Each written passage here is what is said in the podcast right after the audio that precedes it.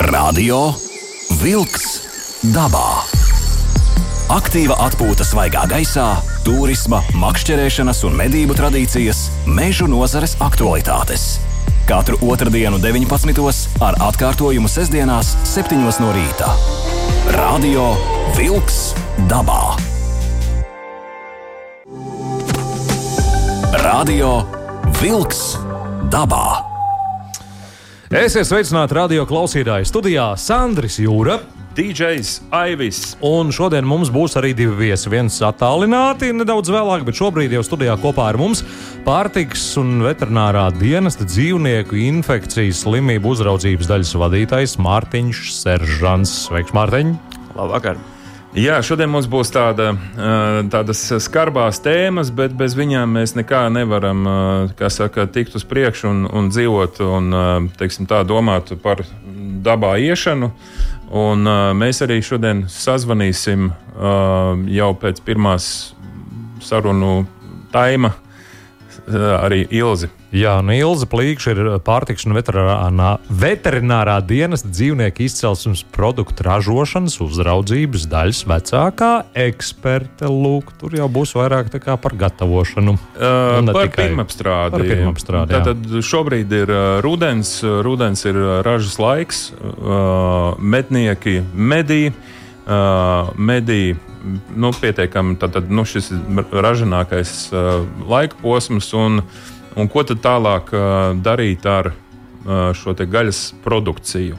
Bet pirms mēs ķeramies pie gaļas, mēs parunāsim ar Mārtiņu par tādu nopietnu lietiņu, kas saucās Āfrikas cūku mērs. Tātad meža cūkām šobrīd ir atkal visi cipari iet uz augšu. Un, te mēs varam runāt, vai tā ir kaut kāda sazvērstības teorija. Nav, bet retrospektīvā tas, ko es tā nu, pavisam kā, kā, kā vienkārš, vienkāršais latviečs un cilvēks zinu, kad uh, 80-90% meža cūku populācija, pateicoties Āfrikas cūku mēriem, ir gājusi bojā. Un šobrīd uh, mazliet šī meža cūku populācija atkopjās. Un, un to atkal, tā teikt, zvani, zvanus, kad atkal viss ir slikti. Jā, nu tā diemžēl ir. Ja mēs tā skatāmies, to, kā tu teici, retrospektīvi, tad tāda pirms mēra, tātad mērs mums Latvijā parādījās 2014. gada vasarā. Tajā laikā mednieki vidēji Latvijā nomedīja ap 50 tūkstošiem meža cūku. Tad, uh, nu, pirms trīs gadiem tās bija drusku vairāk kā 10. 10 tūkstoši meža cūku. No tas, 50 tūkstošiem uz kaut kādiem 13 apmēram tā. Nu, tur, mm -hmm. teiksim, tā ļoti neiedziļinoties uh, ciparos aiz komata vai nenopaļojot. Tā kā jā, kaut kādi 10, 13 tūkstoši tika nomedīts. Nu, tagad pēdējiem gadiem, pēdējos trīs gados tā populācija sāk iet uz augšu, un tad iepriekšējā medību sezonā bija jau, ja nemaldos, 25, 26 tūkstoši nomedītas. Nu, Klausītāji var pārliecināties valsts meža dienas mājaslapā, tur šī visa mm -hmm. statistika ir. Bet nu, nav būtība katrā simtā vai tūkstotī, bet stāsta par to, ka populācija bija pieaugusi. Un es domāju, ka viena liela daļa mednieki bija cerējuši, ka nu, būs atkal ko medīt. Tā, tas kreņķis, tā līga ir aiz muguras. Mm -hmm. Bet, nu, diemžēl, tā īsti nu, nav. Te varbūt sadalīsim pārtiks un veterinārais dienests. Ko vispār šī, šī organizācija dara? Par ko rūpējās, kāpēc, kāpēc jums ir teiksim, šis uzdevums informēt sabiedrību un arī strādāt šajā jomā? Nu, tad, um, ja mēs runājam par slimībām, tad par slimībām tad faktiski mūsu dienas nu, vien, vienas no funkcijām ir dzīvnieku infekcijas slimību uzraudzība profilaks un apkarošana. Nu, būtībā tas ir, ja mēs saprotam, ka lauksaimniecība un, um, ir viena no tautsēmniecības nozarēm, un tāda varētu teikt, strateģiski svarīga nozara. Uh mhm. -huh. Un, un, un dzīvnieki, lauksaimniecības dzīvnieki ir pārtikas diezgan liela sastāvdaļa, un ja viņi iet bojā vai slimo slimībām, kuras vēl jau vairāk apdraud cilvēku veselību, tad tas ir tāds nopietns iedragājums tautsēmniecībai. Jo šeit mēs runājam par meža cūkām, jo ik pa laikam arī dzirdam, kad ir cūku fermās, tā arī jūsu tematika, ja, ka tur arī aiziet kāda slimība.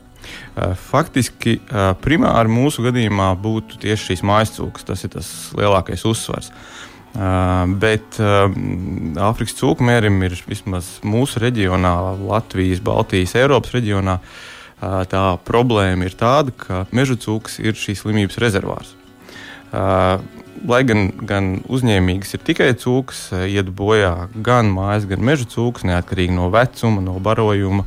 Uh, ir gan mednieku, gan varbūt daļas uh, lauksaimnieku uzskats, ka uh, mājas cūka veselīga, tur ēd uh, kartupelīšus un ko tikai vēl nē, vai meža uh mhm. -huh. cūka ir vispār brīvā dabā staigā un viņa imunitāte daudz labāka nekā kaut kādai tur fermas cūkai. Bet patiesībā tā nav. Visas ir absolūti vienādi uzņēmīgas un tuvu pie 100% viņas iet bojā. Tā kā uh, ir tad, izņēmumi. Tad, tad, kā... iz, tad kad ir notiek, norisinās slimība organismā, tad simtprocentīgi faktiski nu, viss nolemts. Nu, Simtprocentīgs, kā mēs nu, zinām, nekas nav, ne? Un, un, un vienīgā slimība, kas tiešām simtprocentīgi uh, nogalina, tā ir trakumsērga, bet uh, no Afrikas cūkmēra nu, izdzīvo apmēram, de, uh, apmēram līdz 3%. Tas, ko mēs redzam arī pēc mūsu meža cūku uzraudzības datiem, tad apmēram 2-3% ir tie, kas kaut kādā veidā ir kontaktējušies ar slimību un nav aizgājuši bojā. Uh, bet, uh, jā, tad, tad 97 aptuveni procenti, nu, tuvu 100 procentiem uh. -huh. no dzīvniekiem iet bojā tur apmēram nedēļas laikā pēc inficēšanās. Uh, Āfrikas cūku mērs, no kurienes viņš ir atnācis, vai tam ir kaut kāda saistība ar, ar Āfriku, kā viņš tiek saukts, un kāpēc viņš tiek saukts par Āfrikas cūku mērs? Jā, tāpēc, ka ir uh, vismaz divi uh, cūku mēri. Viens ir klasiskais, kurš ir uh, mazliet savādāks, un no Āfrikas cūku mērim izcelsme, uh, vēsturiskā izcelsme ir Āfrika, un, un, un tiešām viņš ir ieceļojis no Āfrikas. Uh, Um, Tiesa gan šis nav pirmā, teiksim, tā, šī nav pirmā epizode, kad uh, Āfrikas cūku mērs ir Eiropā. Pirmo reizi bija 60. gados Spānijā, tika iekšā Spānijā, Portugālē. Un, un, un Spāņi, Portugāļi ar šo slimību cīnījās gan līdz pat 90. gadiem. Tātad 40 gadus viņiem ilga, ilga šis viss process. 80. gados Sardīnijā šī slimība tika iekšā, un burtiski tagad itāļi ir domā, ka novilkuši līniju un izskatās, ka būs apkarojuši šajā mazajā salā šo, šo, šo slimību. Tā kā redzēsim, cerams, ka viņiem tas arī tiešām veiksmīgi noslēgsies. Bet mūsu epopeja sākās 2007. gadā, kad Grūzijā ar kuģiem, ar, ar, ar kuģa atkritumiem tika ievests no Āfrikas otrais sertips Grūzijā caur Potiju ostu. Tā ir tāda ACM, Āfrikas cūkmēra pētniekiem tāda zināma svēta vieta, ja tā ir nosaucta. no, no Grūzijas viņam mm, izpat, izplatījās nu, pateicībā, pateicoties atkal mūsu vienai no kaimiņu valstīm, Krievijai. 2008. Mm, gadā viņi atkal izdomāja, ka viņiem vajag kaut ko, kaut ko paņemt ne savu. Pak, pakarot, jā. jā, pakarot. Un faktiski tajā brīdī šī slimība izplatīsies arī Grūzijā. Un, un, un viena no versijām ir ar gaļas produktiem, uh, kuri netīšām tika paņemti līdzi. Jā, viņi nonāca arī Krievijā. Un tādā veidā palēnām viņi izplatījās arī Krieviju, pa Krieviju. Un, un, un 2000. 11. un 12. gadā tā jau bija Pleskavas Leņņģeradas apgabalā. Bija kaut kādi divi incidenti Baltkrievijā oficiāli reģistrēti. Mm -hmm. nu, tad jau 14. gadā gan Latvija, Lietuva, Igaunija, Polija, Baltkrievijas, Krievijas pierobežā tā būšu slimību no tieši meža cūku populācijā. Jā, nu, tātad par šo Āfrikas cūkmēru mēs parunāsim vēl šīs stundas izskaņā. Radio Wolks dabā. Aiziet dabā! Nu, ko aiziet, mēs arī solījām, ka sazināsimies um, ar Ilzi Plīkšu. To esam izdarījuši. Pārtiks un veterinārais dienests, pārtiks uzraudzības departamentam, dzīvnieku izcelsmes produktu ražošanas uzraudzības daļas vadītāja vietniece. Sveiki, Ilza, arī raidījumā Radio Vilks dabā. Labvakar! Labvakar, Ilze! Uh, nu tad rudens uh, ražas laiks, daudzi dodas sēņot, ogot, uh, mednieki dodas medīt. Un, Tātad šis medījums tā vai citādi, tad ir tādi divi galvenie virzieni - pašpatēriņš un publiskais patēriņš vai aprite, kas ir jau absolūti publiska. Eh, parunāsim par šīm divām ļoti svarīgām, eh, šiem diviem ļoti svarīgiem virzieniem un kādi, kādi ilzi ir šie noteikumi. Visdemokrātiskākais noteikti pašpatēriņš, bet pastāst, kā pārtiks un veterinārās dienas skatās uz, uz šīm lietām. Nā, tad um, pārtiks un veterinārais dienests uz pašpatēriņu skatās tā, ka nu, ēdiet tikai to, ko paši gribat ēst. Ja? Tā, tā ir jūsu brīva izvēle, vai jūs, uh, kā jūs mediet un kā jūs ēdat, protams, normatīvu aktu robežās attiecībā uz pašpatēriņu. Normatīvi akti nesaka neko. Ko nomedījāt, to arī ēdiet. Protams, tad, kad jūs sākat iesaistīties pārtiks apritē, tas nozīmē, ka um, dalaties, nu, varbūt ne ar tuvākiem draugiem, bet ar tālākiem draugiem, pārdodat, nododat tālāk pārstrādēji, apstrādēji medījumu, tad jau sākās ļoti daudz un dažādi normatīvi akti, kas tad ir medniekam jāievēro, un tālāk jau arī gaļas pārstrādātājiem jāievēro. Jā, nu tad uh, pēc, pēc medībām šis medījums nonāk dīrātavā, sauksim tā vienkāršos vārdos. Uh, Un, uh, tur noteikti ir, es zinu, uh, teiksim, pēdējos gadus mednieki arvien vairāk un vairāk pievērš uzmanību tieši, tieši dīrātavai, uh, arī dzēsātavai. Un, uh, un tur ir, nu, teiksim, ja salīdzina ar 90. gadiem, tad uh, nu, šobrīd jau daži pat ļoti augstā līmenī ir izveidojuši šīs pirmapstrādes uh, vietu pastāsti. Lūdzu, Uh, nu, kāds ir tas labais tonis, kā vajadzētu būt un kur ir kaut kādas bīstamības. Uh, mēs zinām, uh, tātad Āfrikas uh, šis cūku mēris, jā, kad meža cūku faktiski ir jānotur dzēsētavā, līdz kamēr mēs saņemam drošas analīzes par to, ka nav cūka inficējusies. Kādas vēl ir darbības? Tas kopums viss trijos vārdos izsakāms ir ļoti vienkārši. Visu darām ātri, visu darām tīri un visu darām augstumā. Jā, tātad, lai mēs iegūtu kvalitatīvu gaļu, principā labai medījumu higiēnai, labai pārtiks higiēnai pilnībā pietiek ar šiem trīs vārdiem. Bet attiecībā uz medībām ir mazliet vairāk un mazliet dziļāk jāpaskatās. Tātad medību šī higiēna jau ir plašāka un sākas ar medību metodi mm, tādā brīdī, kad mednieks dzīvnieku novēro, ja tātad dzīvu dzīvnieku vēl novēro. Attiecībā uz medību metodi, tātad kvalitatīvāku gaļu, protams, mēs iegūstam tad, kad dzīvnieks ir pēc iespējas mazāk stresā. Ja? Tātad atšķirības starp gaidas medībām un zinēju medībām. Ja? Vienmēr gaidas medībās mēs iegūsim kvalitatīvāku produkciju, uzturvērtības ziņā, um, kvalitātes ziņā runājot. Attiecībā, un, protams, uh, mednieks spēj šo dzīvnieku pavērot, novērot, paskatīties, nu, kas tad varētu būt šim dzīvniekam, vai viņš uzvedās, vai viņa uzvedība ir normāla, vai, vai viņam ir kaut kādas. Um, kaut kādas neparast, neparastas kustības, vai, viņam, vai viņš, piemēram, klibo, vai, vai izdala kaut kādas skaņas, kuru tad kuras nu, nav raksturīgas, raksturīgas sugai, ja, piemēram, šķauda vai klepo, vai ir galīgi noplucis šis dzīvnieks, vai, piemēram, klibo šis dzīvnieks. Tas viss ir tas, kas tālāk jāievēro, lai mēs pēc iespējas iegūtu labāku gaļas produkciju. Uh, Ilze, um, tātad nu, mēs varam uh, teikt uh, pilnīgi droši, ka um, meža cūka ir uh, nu, riska, riska grupā. Bet uh, kas ir mums ar stāvbriedi, kas mums ir ar alni, kas mums ir ar stirnu?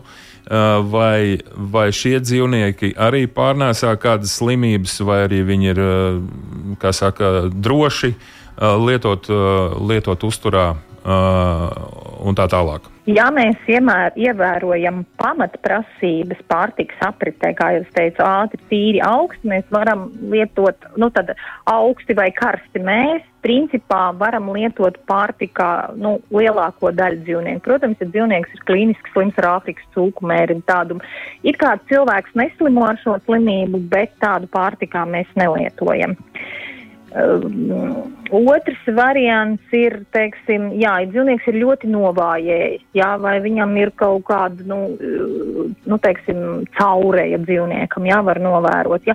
Nu, atkal ir jāskatās, ka šādu dzīvnieku mēs pārtikā nelietojam. Ja tādas slimības kā, kā trihineloze attiecībā uz atgramotājiem, stāvbriežiem, aļņiem, stirnām mums neatiecās.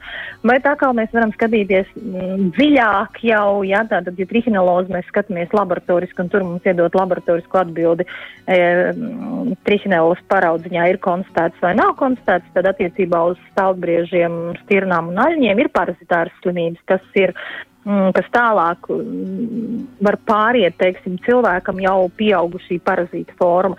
Ļoti, ļoti daudzām niansēm jāpievērš uzmanība. Tanī brīdī, kā es teicu, vismaz mēs ārēji apskatām mm -hmm. dzīvnieku, tad mēs viņam nomedījām to dzīvnieku. Šāviens ir ļoti būtisks ļoti būtiska higienas posms. Ja, gal, galvenais ir nenodarīt pāri dzīvniekam, otrs galvenais nenodarīt pāri gaļai. Tas ir netrāpīt, piemēram, vēdera dobumā vai, vai netrāpīt tā dzīvniekam, lai viņam ir ļoti plaši asiņojumi. Un, un, tālāk šī gaļa jau, protams, šāviena vieta un šie plaši asiņojumi tā būs pārtikā nedrīkst gaļa un mēs to un tālāk pārtiks apritē neizmantojam.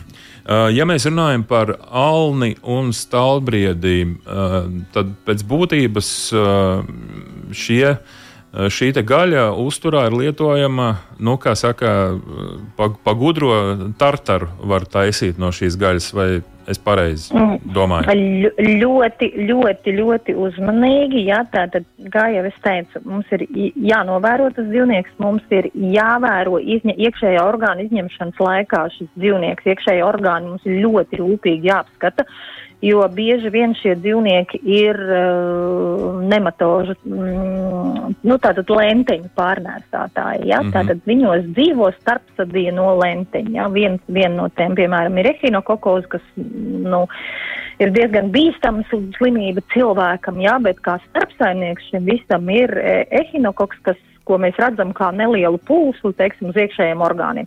Ja mēs izņemam, ja mēs, piemēram, plaušas un aknas un visus pārējos iekšējos orgānus esam saņa, sašāvuši, ja tur ir viens asiņu muskulis, mēs ne, vispār nepievēršam tam uzmanību, izņemam ārā vai vēl sliktākā gadījumā šos, šos ehinokoku pūšļus, kas ir kā pūšļi uz orgāniem, pārgriežam un, un šī pūšlī dzīvo daudz mazu ehinokoku Nu, tā tad, um, kas tālāk, teiksim, kuru mēs apēdot, mēs dabūnam lenteni.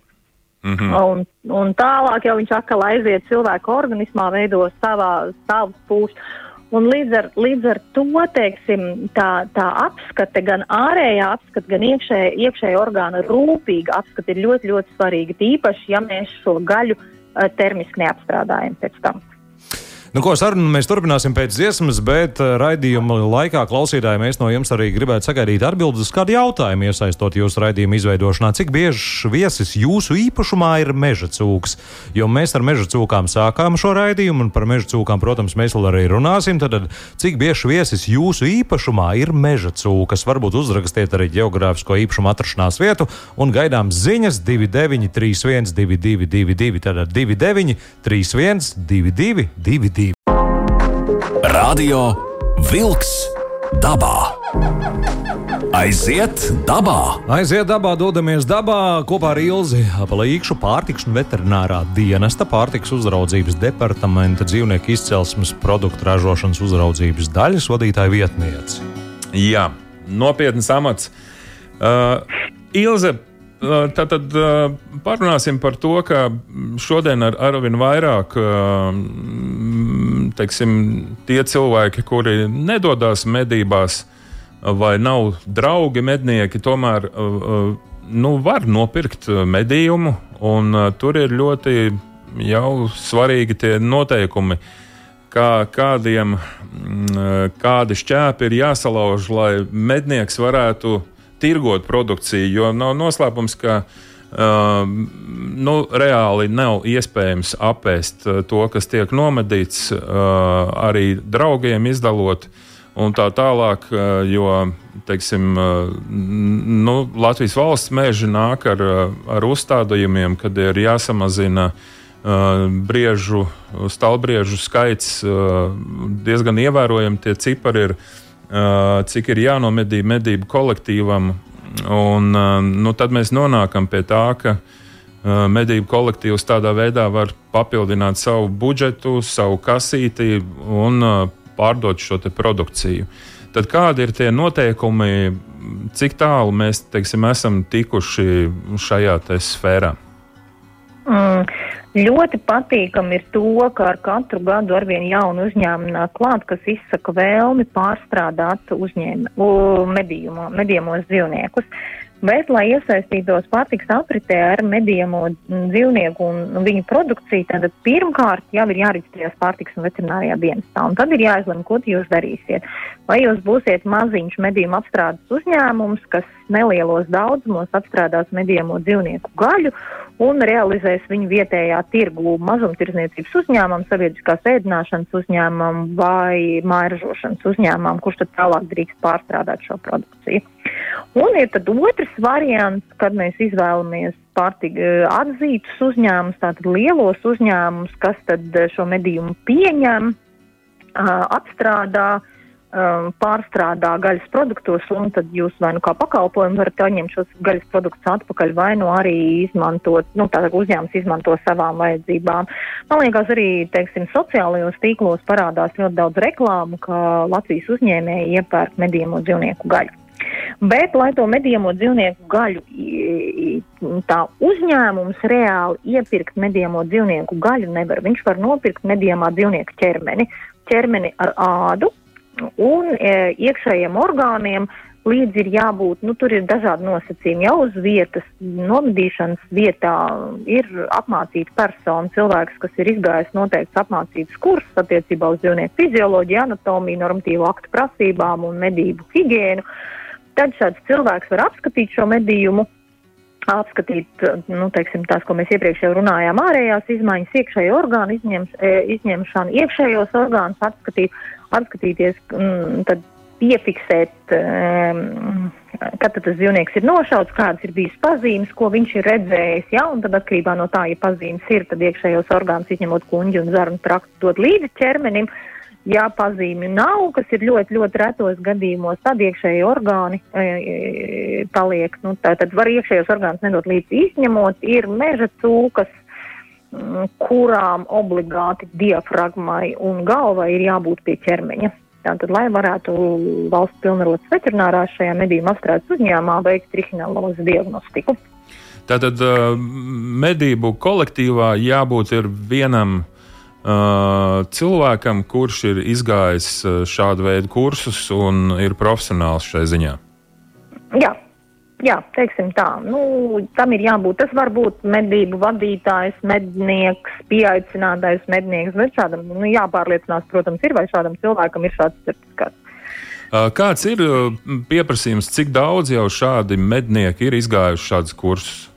Mm, pirmos kursus mēs norganizējām kopā ar Latvijas lauku konsultāciju un izglītības centru, man liekas, ka 2009. gada oktobrī. Tātad pa šiem gadiem ir diezgan, mm, lai kursus organizētu, tātad organizācijai ir jāsaskaņo programma ar pārtiks un veterināro dienestu. Un tad, kad šai organizācijai ir saskaņota programma, tad šie cilvēki var organizēt kursus, stāstot, tad, kā jau teicu, par jautājumu, kas saistās ar dzīvnieku fizioloģiju, anatomiju, mm, biodrošību, labu medību nu, labu, labu higiēnas praksi attiecībā uz medījumiem un dzīvnieku slimībām. Šim cilvēkam viņš nav ārsts. Viņš veterinārās mācās sešus gadus un veic veterināro ekspertīzi un pieņem lēmumu par gaļas derīgumu pārtikā. Šis cilvēks ir kā veterinārā ārsta acs nomedīšanas vietā. Viņš pajautā medniekam, vai tu kaut ko īpatnēji redzēji tam dzīvniekam, vai viņš kliboja vai nekliboja, vai viņš tur galīgi tāds, mm -hmm. tāds nekāds galīgs saguris bija, un tad viņš apskatās pie iekšējo orgānu izņemšanas, kāda tad ir iekšēja orgāna. Un to visu, par to visu informē veterinārā ārstu, kas tālāk medījuma apstrādes vietās sagaidīs medījumu un veiks tālāk veterināro ekspertīzi un pieņems lēmumu derīgs pārtikā, derīgs pārtikā ar ierobežojumiem vai nederīgs pārtikā. Uh, Dīrātava, kas, kas šai pirmapstrādes vietai, kādi ir tie pamat, pamat noteikumi, kam, kam nu tiešām ir, ir, ir jābūt un, un kādas ir rekomendācijas?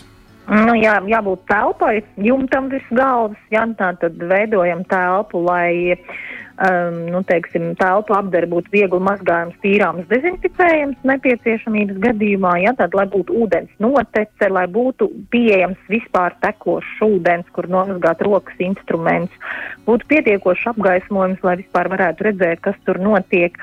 Un ir jābūt vai nu vietai, vai nu telpai, kur tad mēs spējam nodrošināt uh, atdzesēšanu. Jā, lielais mediemais dzīvnieks uh, ir jāatdzesē uh, lai iekšējā muskuļu temperatūra nepārsniegtu plus 7 grādus. Kāpēc tas ir tik svarīgi? Nu, tad apstājās tie procesi, kuri, jū, kuriem nevajadzētu veidoties gaļā. Tātad tā ir tā temperatūra, kurā uh, lielākais skaits mikroorganismu pārstāj vairoties. Jā, mm. Tātad tas ir būtiski. Un uh, cik ilgi būtu jādzesē, jānotur uh, gaļa, jo uh, Te uzreiz jau tādi feinšmekeri grib teikt, ka no, notiek gaļas briedināšana, fermen, fermentācija un tā tālāk. Ko pārtiks veterinārās dienas par to saka? Tātad te, laiks, kurā obligāti ir jāsasniedz šie septiņi grādi iekšējā muskuļu temperatūra, nav noteikts. Jā, tad, tad, e, kā jau es teicu, to darām pēc iespējas ātrāk. Tas augstumam ir jābūt, jo tad pāriet. Nu, kā mums mācīja veterinārajā ekspertīzē pasniedzējs, ļaujiet līķim pārtapt par gaļu. Ja? Tā tad beidzās šie, šie procesi, kas, e, kas veicina ķermeņa sadalīšanos, un sākās process, ko jūs teicāt, ka gaļa nobriest un kļūst par gaļu, par garšīgu produktu, par gaļu kļūst. Mm -hmm. Tāpēc šī temperatūra ir tik, tik ļoti būtiska. Jā. Protams, būtisks ir viss, ko es teicu iepriekš. Tas ir jāizdara ātri, tas ir jāizdara tīri, ja, jo labu, labu nomedītu medījumu mēs varam sabojāt strādājot ar netīrām rokām, netīriem instrumentiem mums krīt uh, lietus virsū un plēš suns kaut kur no viena gala, ja to liemeni, diemžēl, nu tādas situācijas arī lidas pie to mušas riņķi, ja tātad labu medījumu mēs varam sabojāt, tāpēc tas ātri, tīri un augsti ir ļoti, ļoti būtisks. Jā, Jā bet lai, mm, lai mēs iesaistītos pārtiks apritē, tad lai mēs nodotu nu, teiksim, šo dzīvnieku tālāk un no viņa iegūtu gaļu, ko tālāk mēs realizēsim, ja, Tātad obligāts nosacījums ir šis ķermenis, ir jānogādā medījuma apstrādes uzņēmumā, vai nu reģistrētā, vai atzītā. Tā jau ir brīva izvēle.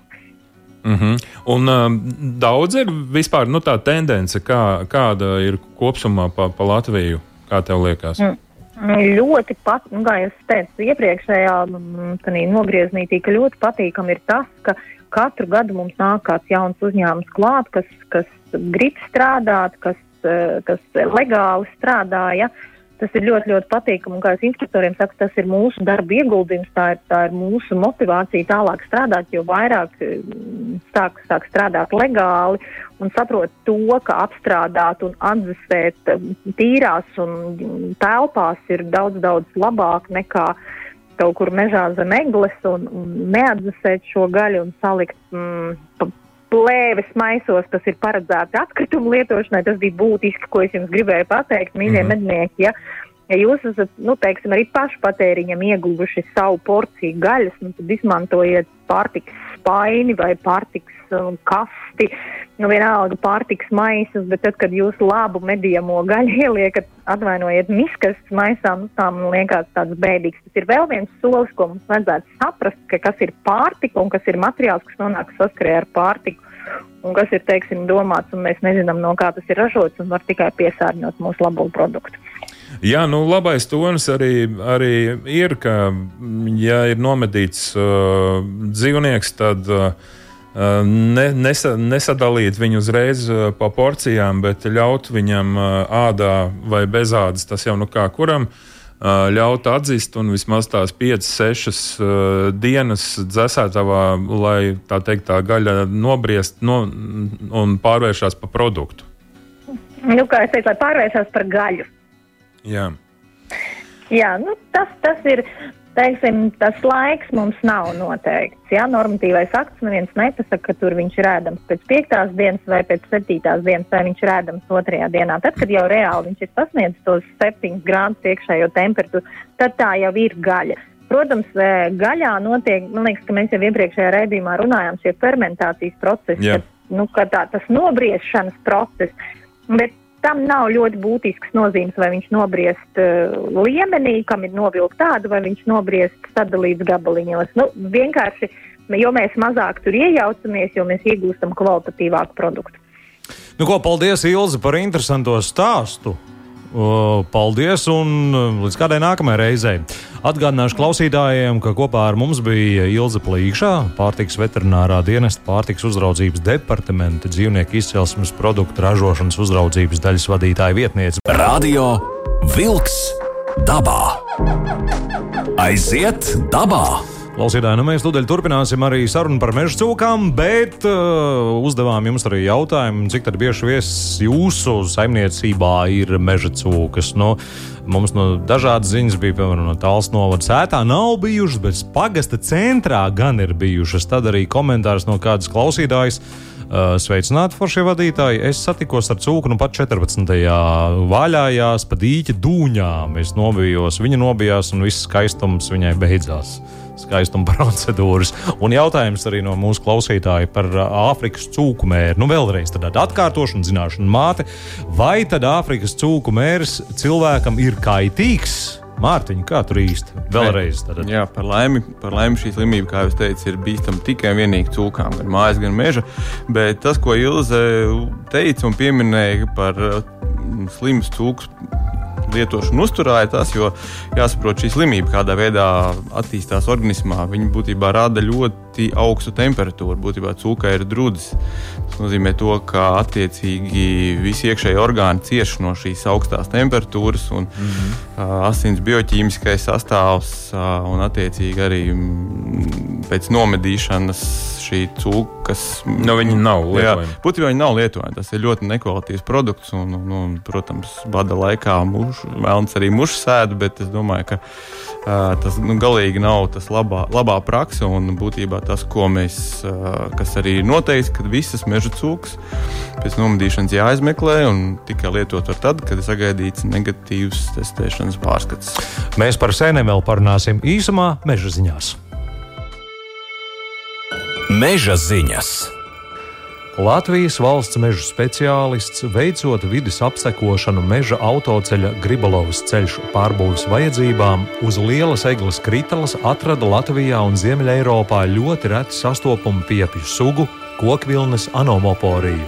Šai sēņu sugai raksturīgi plāni un īslaicīgi pastāvoši augļķermeņi ar zilganu, lavandas vai pelēcīgu nokrāsu. Savukārt uz veciem tumšbrūnās cietpiepes augļķermeņiem konstatēta īsspora baltene. Šī piepju suga, kā zinātnē jauna suga aprakstīta relatīvi nesen, 1998. gadā Somijā. Visā izplatības areālā suga sastopama ļoti reti. Šī suga spēja attīstīties tikai uz veciem tumšbrūnās cietpiepes augļķermeņiem vai uz skujkoku koksnes, kas ir noārdīta tumšbrūnās cietpiepes ietekmē. Turklāt pati cietpiepe ir Latvijā īpaši aizsargājama un reti sastopama sēņu suga. Tās bija meža ziņas. Radio Wolks dabā.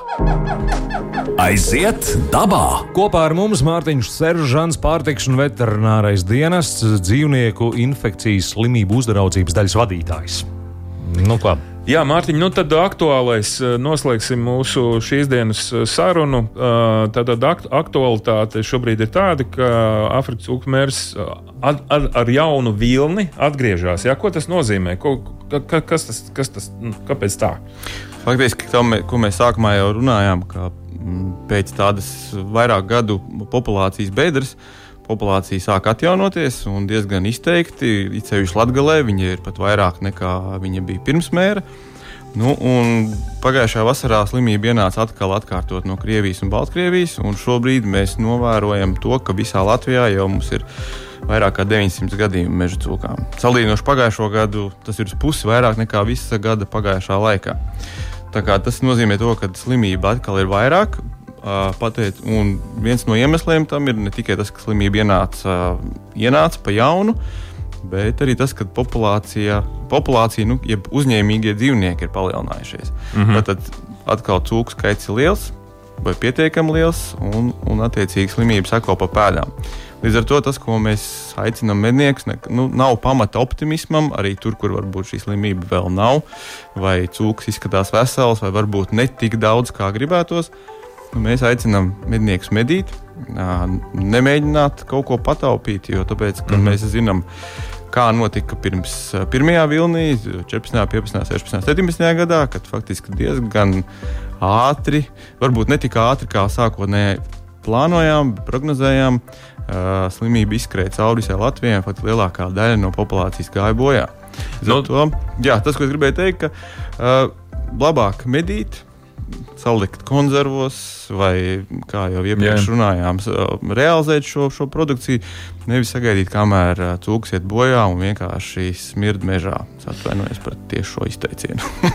Jā, es gribētu, lai to ātri apstāstītu cilvēki, kuri nu, ne, ne, nezina, kā, kā norit šī slimība un cik ātri, kā, kā, tas, viss, kā tas viss notiek. Teiksim, kā, kā vispār šī, šī kaita pāriet no, no cūkas uz cūku? Kādā veidā? Tātad šī slimība, inficēšanās notiek no, no, no inficētās cūkas uz, uz, uz veselo. Gan tiešā veidā kontaktējoties, gan caur dažādiem produktiem. Kā jau teicu, meža cūka ir rezervārs dabā šīs slimības, tad, tad, tad, tad faktiski bojā gājušās, mirušās meža cūkas līķis vīrusu saglabā ārkārtīgi ilgu laiku. Ziemā viņš iekonservējās, minus grāda, zema temperatūra. Viņam ļoti... tikai ir pa labu, viņš izdzīvo līdz nākamajam pavasarim, pat vasarai. Tā kā nākamais metiens jaunie sivēni, jaunā populācija, kas pieaug, būtībā kaut kur kaut, kur, kaut ko uzrok, un tādā veidā tas cikls turpinās. Jā, jo meža cūka ir visādājs, līdz ar to meža cūku ar meža cūku ēst, ja jā. vien tāda vajadzība jā, ir. Tieši tā. Nu, jā, un, un, un, un tas, ko, tas, ko mēs, protams, arī medniekiem sakām, tad uh, ievērot biodrošību, higiēnu.